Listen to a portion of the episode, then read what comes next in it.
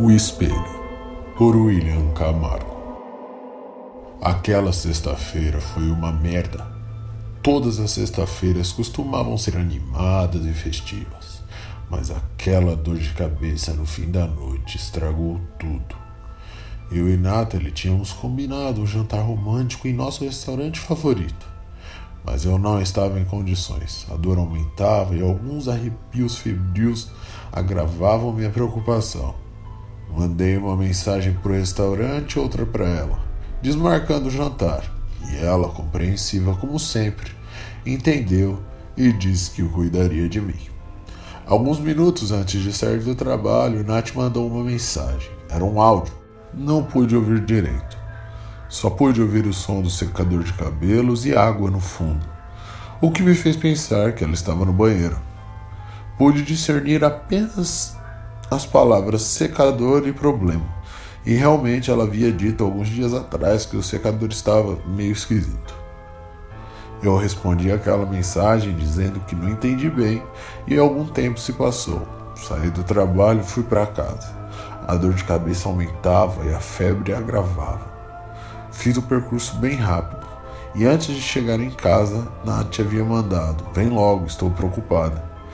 E sabe aqueles dias que você faz o percurso no automático e sem perceber chega em casa? Então, aquela sexta foi assim, mas eu demorei demais para chegar. Enfim, cheguei em casa. Ao entrar, o porteiro não estava na recepção, estava mais à frente, na caixa de disjuntores.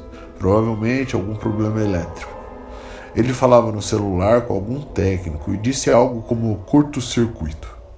Entrei no elevador e o celular não parava de vibrar. Nath mandou mil mensagens, dizendo que estava preocupada, querendo saber onde eu estava. Eu tentei responder, mas o celular não desbloqueava. Fiquei bravo, mas como estava já no elevador, deixei para depois. Mas adivinhe, o botão do elevador também quebrado, nem a luz acendia.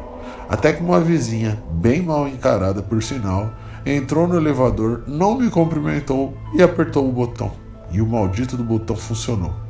Fiquei sem entender nada, mas aquele calafrio estava me impedindo de pensar direito. Eu só queria minha casa e minha cama. Ao entrar, senti um cheiro de queimado Nath estava na sala assistindo TV e, pelo jeito, estava gripada. Tinha muitos lenços no sofá ao lado. Me aproximei, beijei seu pescoço. Ela se arrepiou, mas não disse nada. Achei que tinha ficado brava pelo jantar mas estava tão cansado que fui direto para o quarto. E o cheiro de queimado vinha do banheiro. Quando entrei, o secador estava preto. Gritei perguntando o que tinha acontecido, mas ela não ouviu. Eu estava realmente mal e discutir era a última coisa que eu queria.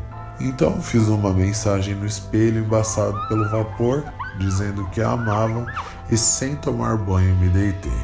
Devo ter apagado por algumas horas.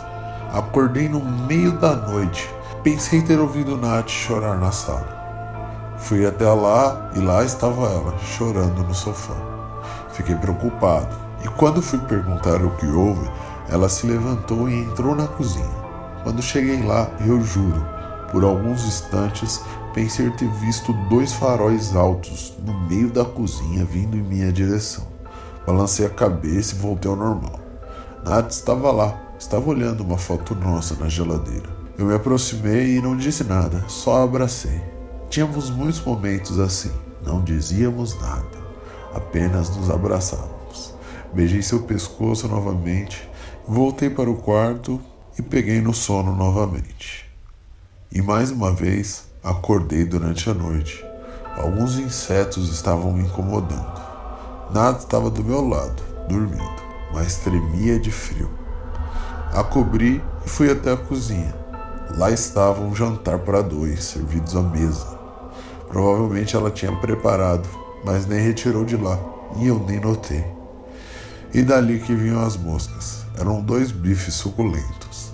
Peguei os pratos, despejei a comida no lixo e agora, sem aquela dor de cabeça, pude pensar melhor. Eu nunca fui um homem de muita fé, mas sempre vi muitos filmes e comecei a juntar os fatos o secador de cabelo, o barulho de água, o curto-circuito no prédio. e meu coração quase congelou. Será que eu estava maluco? Será que algo tinha acontecido com o Nath? Será que eu delirei de febre?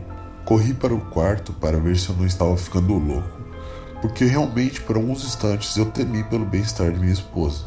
E quando eu cheguei no quarto, Nath estava no telefone. Estava em prantos. Parecia ter recebido uma notícia ruim. E foi naquele momento que eu me dei conta. Eu não estava em casa. Eu nunca cheguei em casa. Na verdade, a febre e o mal-estar me fizeram dormir no volante, de onde eu nunca mais acordei.